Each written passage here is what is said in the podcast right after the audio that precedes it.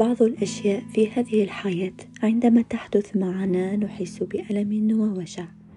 ومن قوة أن الموقف يكون صادما لا نعرف ما نقول ولا نعرف كيف نعبر. يبقى سوى الصمت كردة فعل.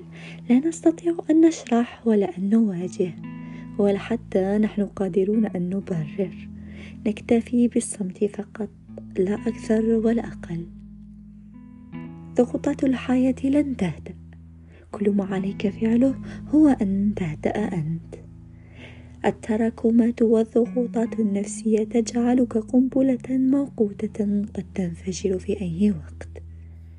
قد تنفجر داخليا على شكل مشاكل نفس وجسدية أقصد صحية مثل الضغط الدموي وأمراض الشريان التاجي والأمراض الجلدية الأخرى. قد تنفجر أيضا خارجيا على شكل تغيرات في الشخصية مثل الانفعالات والعصبية والتقلبات المزاجية والحساسية المفرطة.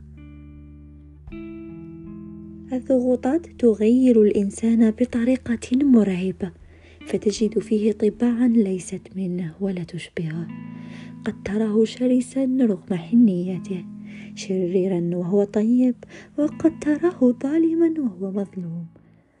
كم من واحد لطقت سود الليالي بياض قلبه وخسر نفسه الطيبة وكل من حوله. لأنه كان يجاهد قساوة الأيام وقلة حيلته بالزعل والانفعال من كل شيء. قال سيغموند فرويد العالم النمساوي والمؤسس للتحليل النفسي. المشاعر المكتومة لا تموت أبدا. إنها مدفونة وهي على قيد الحياة وستظهر لاحقا بطرق بشعة. نعم في حياتنا الكثير من الأزمات النفسية ونتعرض لكثير من الضغوطات والتوتر. وبحاجة لأحد يسمعنا ويعطينا رأيا صح. ويوجهنا للتصرف الصحيح لأن إخفاء الضغوطات النفسية ضغط آخر. ولأن أغلب الضغوطات صناعة ذاتية. أشخاص لا نحبهم نتابعهم. ذكريات تزعجنا نستحضرها.